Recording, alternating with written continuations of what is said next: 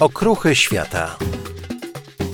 Niosący się na dziesiątki kilometrów huk, fala uderzeniowa, która kilkakrotnie okrążyła Ziemię.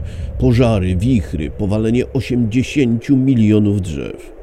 A wszystko w roku 1908. W poprzednich podcastach prześledziliśmy wydarzenia, doniesienia, relacje świadków, tło społeczne i polityczne całego wydarzenia. Znamy efekt pracy licznych ekspedycji i teorie tłumaczące katastrofę. Od naukowych po absolutnie fantastyczne i mistyczne.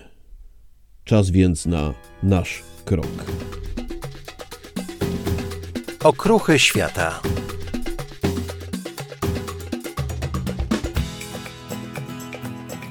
Za 300 metrów skręć w lewo. Dalej 3 dni przez dżunglę.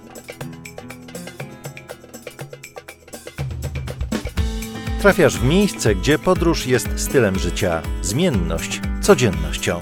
Spędzisz święta z Indianami i zjesz kawior na Kamczatce. Nocą wtargniesz do zamku Drakuli, a za dnia spenetrujesz resztki elektrowni w Czarnobylu. Poznasz zapach kontynentów i smak kultur.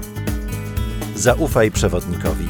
Będzie nim Krzysztof Petek, pisarz, dziennikarz, organizator wypraw, instruktor survivalu i adept kung fu. Klucznik otwierający bramy do świata przygody. Za 3 sekundy dotrzesz do celu.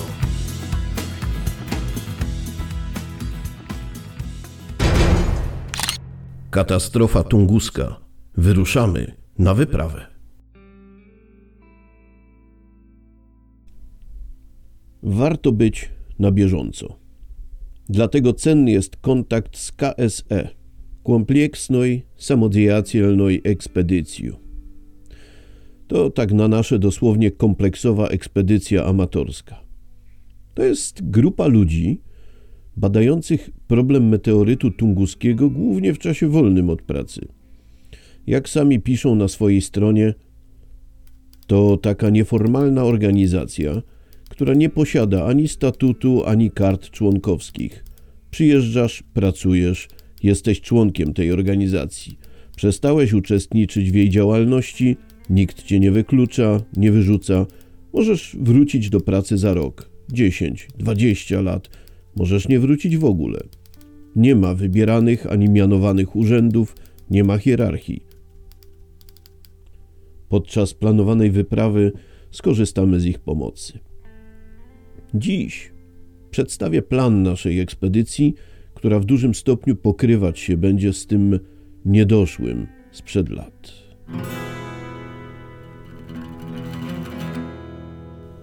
W roku 2006, ależ ten czas pędzi, zadzwonił do mnie Krisek. Krzysztof Kwiatkowski, autor podręcznika Survival po polsku, instruktor przetrwania, pedagog i filozof.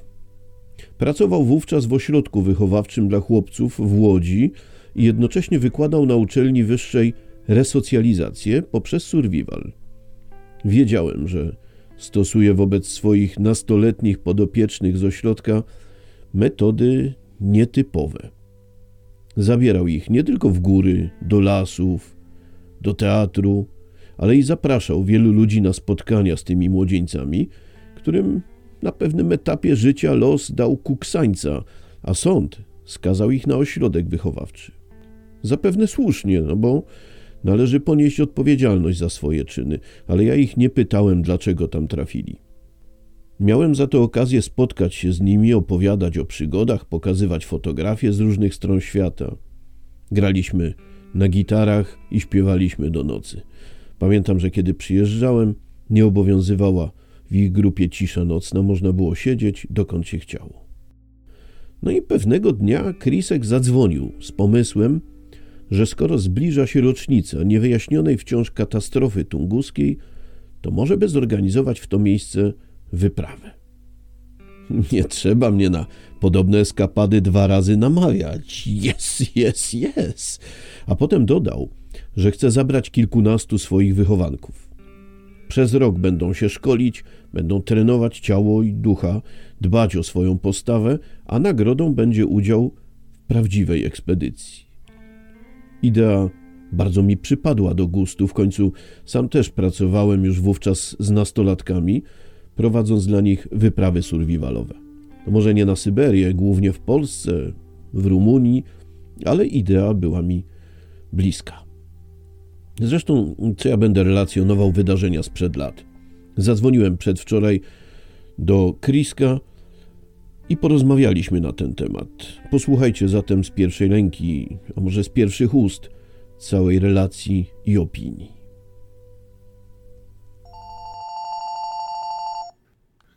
Krisku, a właściwie dlaczego rejon podkamiennej tunguskiej, a nie jakiś inny?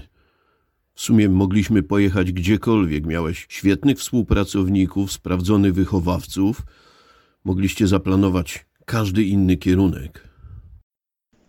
Katastrofa tunguska jest historycznym zjawiskiem, które zrobiło ogromne wrażenie.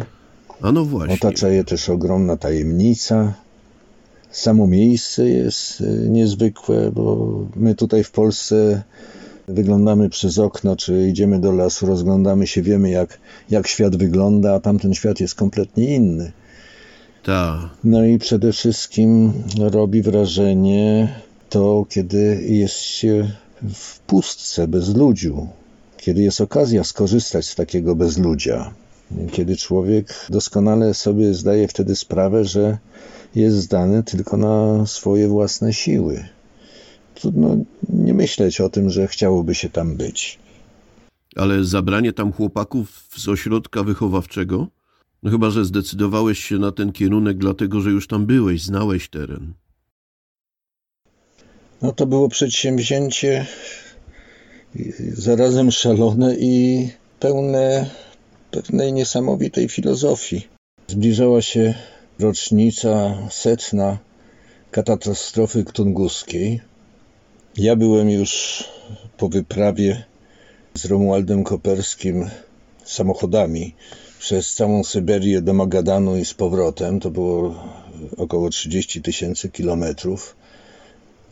Krótko mówiąc, byłem tam, znałem warunki, znam rosyjski, y, umiałem się dogadać, to wszystko było ważne. I któregoś dnia pomyślałem, że byłoby to niesamowite, kiedy chłopcy, moi podopieczni z Młodzieżowego Ośrodka Wychowawczego, przestali być zależni od wychowawców, przestali być zależni od sypialń, od kuchni, od regulaminu, tylko nagle byliby w obcym miejscu, w dziczy i musieliby o wszystko sami zadbać przy naszej oczywiście pomocy. Tych, którzy coś wiedzą więcej i, i w dodatku mają e, język rosyjski jakoś tam poznany, przynajmniej żeby się dogadać. Także to był no, pewien projekt y, przede wszystkim związany z resocjalizacją. To nie chodziło o wycieczkę. Tu trzeba wspomnieć, że ja w Młodzieżowym Ośrodku Wychowawczym dla Chłopców prowadzałem już od lat sukcesywnie rozmaite zajęcia związane ze sztuką przetrwania, z survivalem. Często wychodziliśmy do pobliskiego lasu. Było to poznawanie reguł natury. Rozpalaliśmy też ogień na różne sposoby. Przygotowywaliśmy posiłki, budowaliśmy schronienie, no takie typowe rzeczy. No ale przede wszystkim ja z chłopakami, z moimi kolegami z grupy wyjeżdżaliśmy często na biwaki. To właściwie była jedyna grupa, która miała organizowane takie zajęcia. No pomijam nasze chodzenie do teatrów, do kin, do filharmonii. Chłopcy byli naprawdę już obyci w świecie przy nas i mieli ochotę wielką tak poznawać właśnie świat. A wracając do naszych zajęć survivalowo podobnych, no to przede wszystkim były zajęcia linowe na drzewach w owym pobliskim lesie, gdzie przychodzili do mnie moi survivalowi młodzi przyjaciele, którzy znali się na linach, mieli odpowiednie nawet papiery w tym zakresie. W związku z tym były też e, przeprawy linowe na drugą stronę rzeczki. No ponadto chłopcy się bawili w takie rzemiosło e, biwakowe czy leśne, jakby to nazwać. No na przykład strugali łyżki z drewna, Zaznaczy, uczyli się na przykład szywać podarte ubrania, nie chodzili do krawcowej w ośrodku, tylko ja ich uczyłem jak szyć. Do tego może dodam ważną rzecz, bo im zrobiłem bardzo poważny kurs pierwszej pomocy. Oni y, musieli to zaliczyć, przy czym to zaliczenie miało takie znaczenie, że ja im wydawałem y, dokument, y, bo miałem takie uprawnienia, że odbyli ten kurs, a ci, którzy byli, nazwijmy wolnymi słuchaczami, ale byli ewidentnie, przynajmniej miałem pewność, że coś potrafią. No ale czy nie łatwiej byłoby pojechać tam po prostu z grupą specjalistów, odkrywców, survivalowców? Myślę, że w tej całej historii jest jedna istotna rzecz, ukryta, taka niewidoczna, że resocjalizacja naszych podopiecznych, jakby nie było, odbywała się w zamknięciu. No, półotwarcie to jest też zamknięcie. Byli zależni od dyrekcji, od wychowawców. Już nie wspominam, że od sądów i różnych innych takich organizacji. A tu mieli przeżyć kawałek życia w wolności, o której sami decydowali, którą sami wybrali która miała być trudna, ale w ramach ich możliwości i wiary w powodzenie. Na pewno tam sytuacje trudne rozwiązywane by były zupełnie inaczej niż w jakiejkolwiek placówce. No wyobrażam sobie. Bylibyśmy skazani na siebie i jak ja to nazywam, nie byłoby możliwości, żeby się obrazić, wyjść i trzasnąć drzwiami. Szybko pojawili się znaczący ludzie, z tego co pamiętam. Niejako firmowali tę ideę, prawda? Trzeba wyraźnie powiedzieć, że myśmy nie działali w próżni. Mieliśmy przecież spore zaplecze, jeśli chodzi o tak zwane nazwiska, bo twarzami tej wyprawy miał być Jacek Pałkiewicz i, i Ryszard Czajkowski, bardzo znani podróżnicy. Ponadto Romek Koperski, obiecał e, pomoc w załatwieniu wszelkich formalności, a zwłaszcza na terenie Rosji. On tam był bardzo mocno obyty, często tam jeździł i znał wszystkie sztuczki, tak żebyśmy my mogli podróżować koleją transsyberyjską, czy wędrować jako legalni turyści, bo to przecież miało ogromne znaczenie. No i tak jak rozmawialiśmy wówczas, finanse też nie stały na przeszkodzie. No przecież to nie jest wyprawa za 2,50. Wyprawa na pewno nie byłaby za tak zwane friko. No, trzeba było pomyśleć o finansach i trzeba przyznać, że zdobyliśmy jednak jakieś poparcie w tej kwestii, na przykład na wyższych uczelniach, które miały u siebie pedagogikę. Bo tak, na początku, e, no najbliżej w końcu mieszkam w Łodzi, tak? To był Uniwersytet Łódzki. Potem e, prowadziłem rozmowy w Wyższej Szkole Pedagogiki Specjalnej imienia Marii Grzegorzewskiej, w której e, ja uczyłem się podyplomowo właśnie resocjalizacji. I również dotarłem do Wyższej Szkoły Humanistycznej, tak w Łodzi, jak i w Warszawie. Wiem, że tam zostały wyasygnowane całkiem spore pieniądze. Tak, czyli mieliśmy już zapewnione środki. Trwały przygotowania logistyczne, szukaliśmy informacji, były patronaty i miałeś uczestników. Tak czy inaczej, liczyła się przede wszystkim praca z chłopcami. Te wszystkie sprawy organizacyjne z boku y, miały jeszcze swój czas, żeby się nimi zająć, żeby koło różnych spraw pochodzić, ale ważne było, żeby w chłopakach narastało pewne napięcie, no żeby tak. byli ciekawi tego świata, żeby byli ciekawi sami siebie, jak oni się sprawdzą w takich warunkach. No i oczywiście, żeby mogli poznać jeszcze więcej tajnik survivalowych, no bo co do tego miałem pewność, że oni nam, wychowawcom, już wierzyli. Także o co chodziło?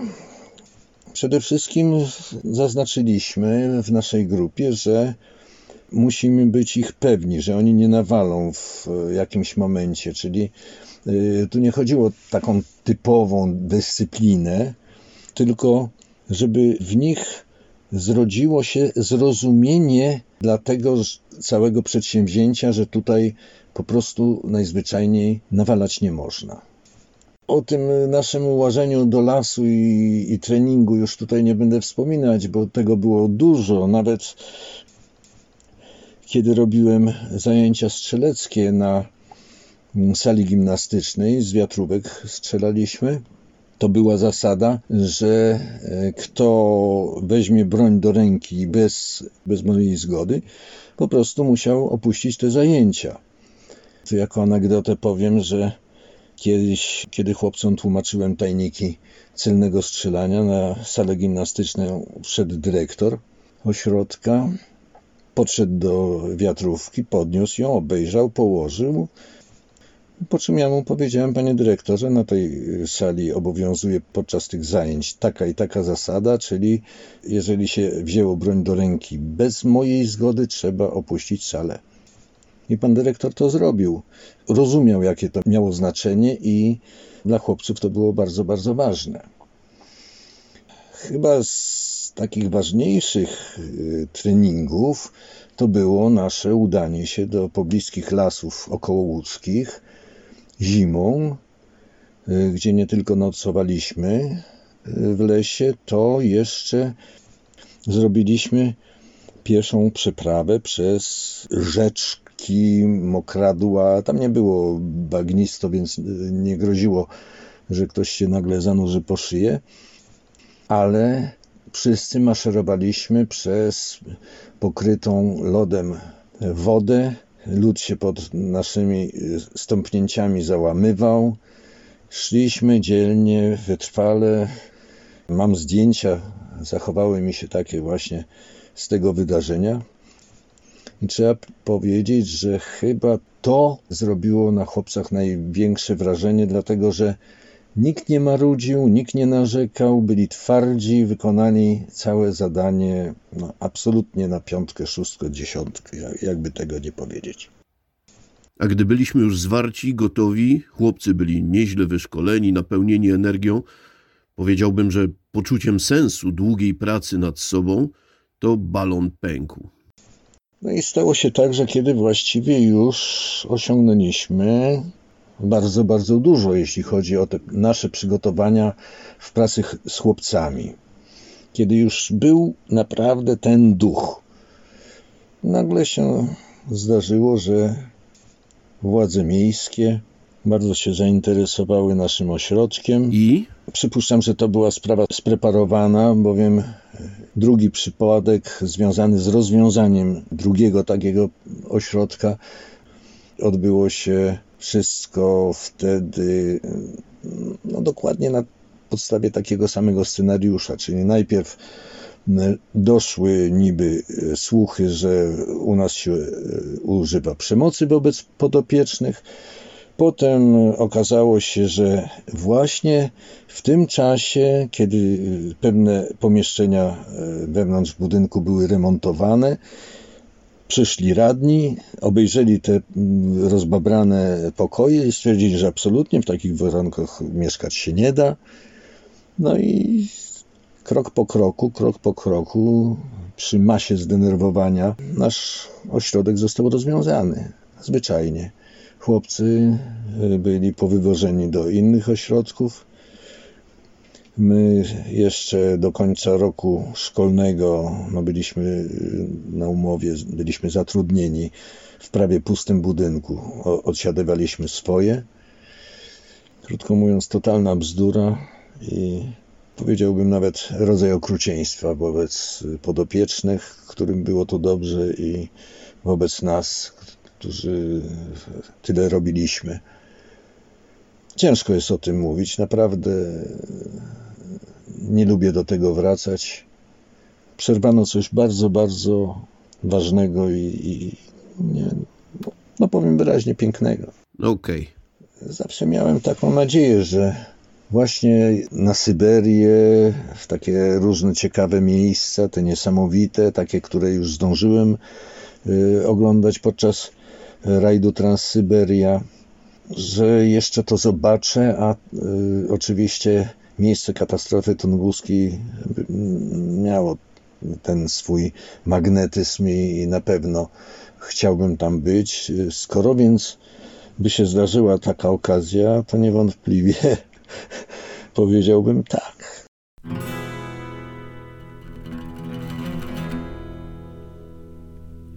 Ponieważ podcast rządzi się swoimi prawami i nie mogę wam tutaj żadnych obrazków pokazać, dlatego na znanej wam już stronie facebookowej Okruchy Świata uzupełniam moją opowieść o zdjęcia, także te, które dostałem od Chrisa, bo to zapis kawałka historii. Zatem wyruszamy. Na dopracowanie ekspedycji potrzeba co najmniej roku, może więcej. Dlaczego? A bo do Rosji nie jedzie się jak na Majorkę albo do Oslo. Łatwiej nawet penetrować Amazonię niż Syberię, biorąc pod uwagę sytuację polityczno-administracyjną. I nie chodzi o to, że ktoś będzie nam rzucał kłody pod nogi. No po prostu tradycyjnie w Rosji trzeba wcześniej załatwić wiele formalności, uruchomić zdalnie kontakty, umówić przewodników. Nawet przy dużej przychylności Rosjan, z którą spotykam się i w Moskwie, i na Syberii, i na Kamczatce, dłubania jest naprawdę sporo. Zdaję sobie sprawę z ilości formalności. Ale wiem też, że skoro my się tutaj spotykamy, to nie po to, by marnować czas na wysłuchiwanie listy dokumentów, pozwoleń i opowieści o wizach. Zakładam, że pokonamy biurokrację, bo to nie pierwszy raz. I znaczącym etapem będzie oczywiście dotarcie do Moskwy. Mówię już o samej ekspedycji. Do Rosji i po tym kraju. Nie latają jakieś tanie linie, Ryanery i inne, choć czasem udaje się znaleźć bilet za 50 zł. W zależności więc od funduszy i polityki cenowej przewoźników, stolicę Rosji osiągniemy albo samolotem, to wtedy w niewiele ponad dwie godziny, albo pociągiem. Ale turlanie się zajmuje co najmniej 17 godzin. To oczywiście drobiazg w porównaniu z cierpliwością zadu, jaki należy wykazać w dalszej podróży, bo potem już na pewno jedziemy pociągiem. Czyli z Wagzała w Moskwie ruszamy do Krasnojarska. I to jest podróż na ponad dwie, może nawet trzy doby. Ten czas oczywiście nie powinien zostać przehibernowany. W trzy dni można nieźle odświeżyć swój rosyjski, zwłaszcza, że wcale nie trzeba kupować biletów pierwszoklaśnych, bo pierwsza klasa ma tam dwuosobowe kuszetki. Osobiście wolę integrację. W przypadku większości pociągów można już w Rosji, jak w reszcie świata, wybrać miejsce, jeśli dokonuje się rezerwacji online. To nie są czasy, o których opowiadał kiedyś mój starszy kolega, który podróżował tak zwanym BAM-em, czyli Bajkało-Amurską magistralą przez dwa tygodnie. Mam tu zresztą zapis jego opowieści. Posłuchajcie fragmentu. Chłopie, byliśmy tam na tym, na takiej wymianie Związku Socjalistycznej Młodzieży Polskiej, połowa lat 80., 80., może siódmy rok. No i tam jedziemy, jedziemy tam koleją. Nie? No to dobra, to spaliśmy w hotelu, impreza ostra. No jak to młodzież, bo to wtedy zaczęliśmy studia dopiero i rano budzimy się jeden, drugi przełożony jeden przez drugiego, to jakieś butelki, tu coś, tu jakiś radziecki trunek dziwny, patrzymy, a tu za 40 minut jest odjazd pociągu. A my tam mieliśmy jechać aż do Władywostoku przez całą Rosję. No to szybkie pakowanie, co kto miał tam skarpetki, cyk do tych walizek i lecimy. Taksówka, no to takim jakimś, jakimś zaporożcem, czy co to tam było, w pięć osób, cyk, siedzimy, on nas wiezie, my mu szybciej, szybciej, pociąg za 10 minut, za 5, już, a on, my dopiero dojeżdżamy. Wyskoczyliśmy, rzuciłem mu tych, tych rubli, tam kubkę to wtedy nie było drogie, bo wtedy taka podróż taksówką to kosztowała tam 10-15 rubli, dziś to, to już idzie w tysiące. Wpadamy spoceni, po prostu jak wielbłądy, które uciekały przez całą pustynię na te stacje. Patrzymy, a ludzie na tych walizkach, tobołkach siedzą. Tam jakaś kobitka z jakimiś kurami, tu ktoś, tu facet z koszem jaj tu, no, no, i siedzą. My pytamy, jak z tym pociągiem? No będzie, no będzie, no nie, siedzimy. No to odetchnialiśmy 15 minut, 20, pół godziny. Pytamy, co z pociągiem? No będzie. Pociąg przyjechał, dopiero przyjechał po 6 godzinach. No to my już chcemy się ładować, oni nie, nie, najpierw będzie sprzątanie. No i weszły ekipy sprzątające, sprzątały. Na drugi dzień prawie było gotowe. Zaczęli nas wpuszczać 30 godzin po terminie odjazdu. Bo to był jeden pociąg, który jeździł tam i z powrotem. Jechaliśmy. Jechało się w takim wielkim wagonie. Szyby były zamalowane na biało, ponieważ dużo jazdy było przez poligony. No to nie wolno było oglądać, no bo o, poligon zobaczysz, no nie? Związek Radziecki upadnie od zobaczenia poligonu przez polskiego mm, studenta. No to biało. Cały czas tylko takie lekkie światło. Jak pod ziemią by cię trzymali i świetlówkami w pasze walili. Wagon był w całości jedną taką separatką, gdzie były drewniane ławy. Na krawędzi wagonu zawsze był wyznaczony teren, gdzie był dyżurny. Dyżurny palił w piecyku w takiej kozie i gotował w wiadrze wodę. Jak się woda zagotowała, a tam czy to było lato, czy nie, to i tak było chłodno, to się darł. Kipiatok, kipiatok, dawajcie! No i ludzie jak wariaci lecieli, no bo kto ten kipiatok, czyli wrzątek tam dorwał, no to jego, a jak nie, to musiał czekać następne dwie godziny, aż tam następne wiadro wody się zagotowało. Z drugiej strony tego wagonu też była taka osobna klitka, no i tam było jedno tylko siedzisko, nie dużo, tylko jedno, to było zamykane na taki haczyk z kobelek i w tym siedzisku była dziura. Do czego służyło, łatwo się domyślić. Oczywiście wszystko, czego tam człowiek się pozbył, leciało bezpośrednio na tory, no ale nikomu to nie przeszkadzało. No i tak się jechało, dzień, dwa, trzy, prawie dwa tygodnie jazdy. Przystanki były. Raz, dwa razy dziennie. Czasami zatrzymywał się przy jakiejś osadzie ten pociąg, to tam nawet jak to była wioska, raz na dwa, trzy dni.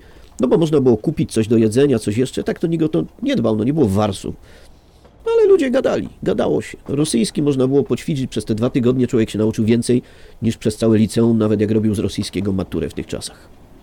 Kiedy się dojeżdżało na miejsce, no to człowiek już był w innym świecie, a w dodatku miał 47 przyjaciół z różnych stron, nie tylko przecież Związku Radzieckiego, bo to jechali Mongołowie, Kazachowie, Uzbekowie, Tadżykowie, czasem jakiś dziwny, kiedyś takiego, w tym wagonie okazało się, że Włoch, który od lat jako lekarz pracuje na Dalekim Wschodzie, gdzieś tam na Kamczatce, też jedzie, ubaw był popach. No oczywiście oprócz jedzenia, y, kocyków, bo tam nie śpiwora, tam koce się używało, no to oczywiście hektolitry alkoholu tam szły, no ale to były napoje integracyjne, więc oczywiście nikt nie miał nic przeciwko temu. Te czasy za chwilę znikną, już nikt nie będzie pamiętał nawet, ale tak jeździł pociąg dalekobieżny na Bajkoło-Amurskiej magistrali. No, ale to już historia.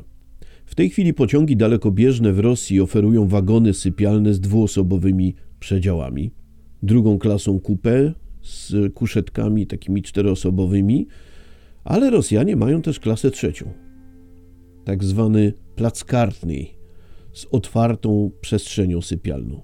I tak trochę ku pomości panowie. No i panie też, no czemu nie? I tu mamy doskonały moment do integracji. Bo jedzie kobita wioząca kurczaki, bo jedzie facet, który targa z sobą świniaczka, bo jedzie ktoś, kto sery wiezie do Krasnojarska, żeby pohandlować nimi. No i nie da się ukryć, że to sery, bo nawet jak masz katar, to i tak się zapach przebije. I jedzie i młody człowiek, i staruszka pamiętająca czasy Stalina. Z wszystkimi można porozmawiać. Jedziemy do Krasnojarska, no ale nie to miasto jest naszym celem. W samym Krasnojarsku planowaliśmy w roku 2008 konsultacje z przedstawicielami organizacji Memoriał badającej zbrodnie stalinowskie. Naszym celem był przecież jeden z opuszczonych łagrów, czy raczej to, co zostało po jego niechlubnej działalności. Spróbujemy powtórzyć operację teraz. To jest kwestia dnia czy dwóch w Krasnojarsku, żeby pogadać, zebrać jeszcze materiały i lecimy dalej. Lecimy albo nie lecimy, bo to zależy od różnych czynników. Można by kombinować trasę samochodami terenowymi. W końcu zmarły niestety niedawno niesamowity człowiek, Romek Koperski, znawca Syberii, jechał tam przez lasy podczas słynnych rajdów Transsyberia, w których zresztą brał udział Krisek, ale szybciej i wygodniej będzie polecieć do Wanawary. A na niewygody to i tak przyjdzie czas. Mamy czasy, w których nawet pojawił się wybór. Z Krasnojarska, który dysponuje dwoma portami lotniczymi, na maleńkie lotnisko, o którym już zresztą opowiadałem, do Wanawary. Można polecieć korzystając z usług dwóch lokalnych przewoźników. Krasavia, linią administrowaną przez kraj krasnojarski, albo Nordstar, rosyjską linią z Norylska, oczywiście także w kraju krasnojarskim. Lot to jest szybka piłka. To trasa czterokrotnie krótsza niż Warszawa-Moskwa, więc w skali Rosji to tak jakby tuż za miedzą. I dopiero tam, w Wanawarze, rozpocznie się epopei akt właściwy.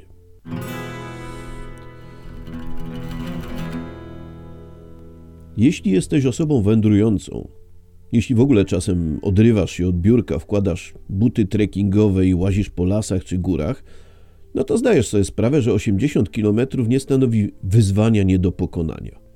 Nie mówię o jednodniowym wyścigu, ale rozplanowanej dwu, trzydniowej wędrówce. W planach mamy dwa dni przygotowań w samej Wanawarze. Rozmowy, relacje, opowieści, fotografie i filmy, oczywiście sprawdzenie sprzętu, podział do plecaków, żywność, zapasy, apteczki itd. Stąd pod przewodnictwem lokalnego myśliwego przy sprzyjającej pogodzie pokonamy w dwa dni trasę przez tajgę, aż do miejsca upadku meteorytu tunguskiego. Zaczynacie sobie zdawać sprawę, dlaczego poprzednio mówiłem, że to nie jest wycieczka, a ekspedycja? Przez gęste lasy, pozbawione najczęściej dróg i ścieżek, poprzez jary, wykroty, zapadliska, wąwozy, osuwiska, trzeba nie tylko dojść bezpiecznie na miejsce. Musimy jeszcze wrócić. Z całym sprzętem biwakowym, zaopatrzeniem, żywnością, instrumentami badawczymi i rejestrującymi. Planujemy na miejscu dwudniowe badania, filmowanie, tworzenie materiału fotograficznego i dźwiękowego. No a potem czeka nas powrót. No i nie ma skrótów. Znowu trzeba przedreptać te 80 kilometrów. Plan więc obejmuje 6 dni, ale żywności trzeba mieć na co najmniej 10, bo to nie jest miejsce, gdzie można zadzwonić po pizzę albo w razie wypadku, osłabienia czy załamania pogody nawet. Można by wezwać taksówkę, zrezygnować z trudów, żądając zawiezienia do najbliższej restauracji albo do domku. Komu już jest gorąco, to może sobie zrobić odpoczynek. Od słuchania, bo będzie jeszcze ciekawiej. My to też zresztą zrobimy po powrocie do Wanawary. Będzie chwila wytchnienia, ale krótka, bo to dopiero pierwszy etap. Teraz pojawi się próba wody. Nasz plan obejmuje konstrukcję tratw i całodniowy, a może i dwudniowy spływ rzeką do Kodyńska. No bo alternatywą byłby dziesięciodniowy marsz, znacznie bardziej wyczerpujący, więc po prostu lepiej skorzystać z sił natury. Zwłaszcza, że z samego Kodyńska czeka nas kolejny sympatyczny marsz i dwudniowa inwentaryzacja stanu obecnego zespołu łagrów nad rzeką Czadobiec. Z naszych informacji wynika, że i tam znaleźli się Polacy, a nikt dotąd nie zarchiwizował, nie zinwentaryzował pozostałości po tym leśnym więzieniu. Krążą opowieści, że zsyłani tu więźniowie przybywali z biletem w jedną stronę. Wykorzystywano ich jako narzędzia do wycinki. Rzeką spławiano drewno, a ziemia przyjmowała tych, którym zabrakło sił do powitania kolejnego upiornego dnia. Straszne, ale jeśli takie są fakty, trzeba po prostu je zarchiwizować. To jest ostatni moment, resztki łagra rozsypią się, przyroda to wszystko pożre i znikną dowody. I tu oczywiście uruchomimy aparaty i kamery, urządzenia pomiarowe, rejestratory, żeby to wszystko przywieźć potem do Polski. Po dwóch dniach spędzonych z upiorami przeszłości rozpoczniemy drogę powrotną. Zatem najpierw pieszo do Kodyńska, bo nie sądzę, żeby w najbliższym roku ktoś zbudował tam metro albo linię balonów. Trzeba będzie się przedostać. Sam Kodyńsk założone jako osadę w roku 1977 w związku z budową Boguczańskiej Elektrowni Wodnej, a status miasta uzyskała w 12 lat później jako centrum administracyjne rejonu Kierzemskiego. Słyszeliście kiedyś o takim? Jeśli szukacie na mapie, to jesteśmy na północ od Bajkału, ale tak sporo na północ. A Bajkał to jest taka podłużna, największa na świecie słodkowodna kałuża. Szukajcie tam stosunkowo blisko mongolskiej granicy. Miejsce przepiękne. Tam też kiedyś was zresztą zabiorę. No ale jesteśmy w Kodyńsku i trzeba stamtąd przedostać się do Krasnojarska. To zaledwie 735 km, no ale nie ma co się obijać. Dlatego autobusem czy innym lokalnym środkiem transportu dostajemy się do miasta Ust-Ilimsk. Na tę podróż wystarczy ledwie doba. Chwilkę odetchniemy w tym stutysięcznym mieście nad Angarą, tą samą, która jako jedyna wypływa z Bajkału i płynie do Irkucka, no żeby dalej i dalej osiągnąć Ust-Ilimsk. Stąd też zrobimy dla Was relację, chyba że będziecie z nami, to przecież jest możliwe. Kolejnym celem będzie Tajszet. I to też rosyjskie miasto. Dla urozmaicenia dojedziemy tam koleją Bajkało-Amurską. No to też szybki skok. Jedna doba jesteśmy na miejscu. A z Tajszetu kolej transsyberyjska dowiezie nas gładko do Krasnojarska. Tutaj odetchniemy od tułaczki, bo w planach jest dwudniowe spotkanie z przedstawicielami organizacji Memoriał, no i poznanie miasta.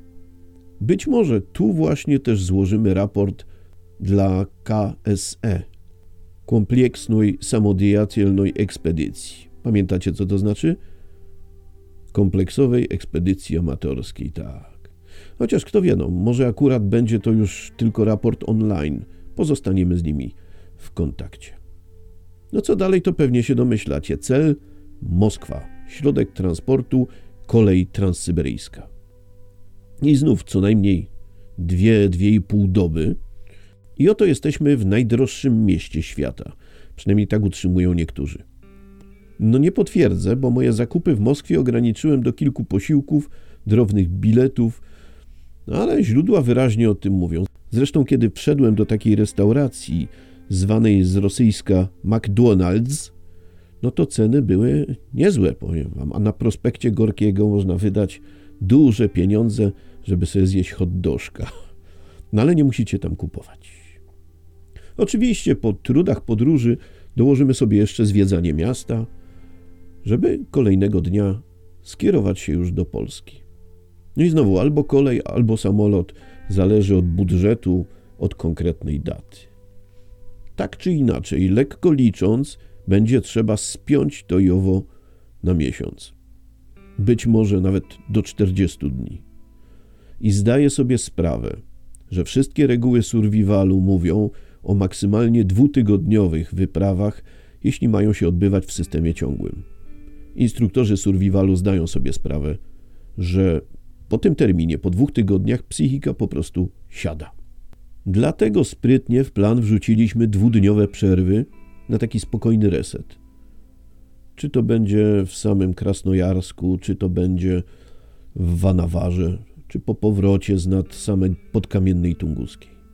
No ale tak czy inaczej, nawet jeśli sprzyjać nam będzie pogoda i wszyscy bogowie ewenków, to nie wystarczy dobra wola, by poradzić sobie z tym wyzwaniem. Jeżeli wstajesz od biurka i chcesz ze mną powędrować tak po prostu w ramach urlopu, no to proszę bardzo, tylko zapraszam na drakuliada.pl i tam macie wyprawy samochodami terenowymi do Transylwanii albo przez Ukrainę do Czarnobyla. Otwieram drzwi Amazonii poprzez jesienne wyloty do Brazylii i wbrew pozorom taka ekspedycja nie wymaga szczególnych treningów, wielkiego hartu, stalowych mięśni, co najwyżej z waszej strony takiego nastawienia się i zgody na łatwy do zniesienia dyskomfort. Ekspedycja nad podkamienną Tunguską, badanie lasów, zwałów drzew, czy może raczej pozostałości po tych zwałach, jeziora Czako, śladów innych ekspedycji, no to jest jednak wyzwanie. Ale jeżeli chcesz, zapraszam na Facebook na Petek Ekspedycję. Wkrótce ogłoszę zaproszenie do współpracy przy tym projekcie. Jedź, leć, chodź, płyń z nami. Proszę bardzo. Co odkryjemy? Nie liczę na nic szczególnie nowego. W ogóle nie mam aspiracji i oczekiwań odkrywcy w tym wypadku. Wybieram się tam, by odetchnąć zapachem tajemnicy i przygody. dotknąć zagadki, poczuć takie wibracje mocy, jaką niosła z sobą katastrofa. Nie no, nic metafizycznego, aż takich odjazdów nie mam. Po prostu lubię mieć własną opinię o miejscach dyskusyjnych. Lubię powąchać zagadkę. To co, lecimy razem? Zapraszam. Zapraszam, a tymczasem dziękuję i do usłyszenia wkrótce.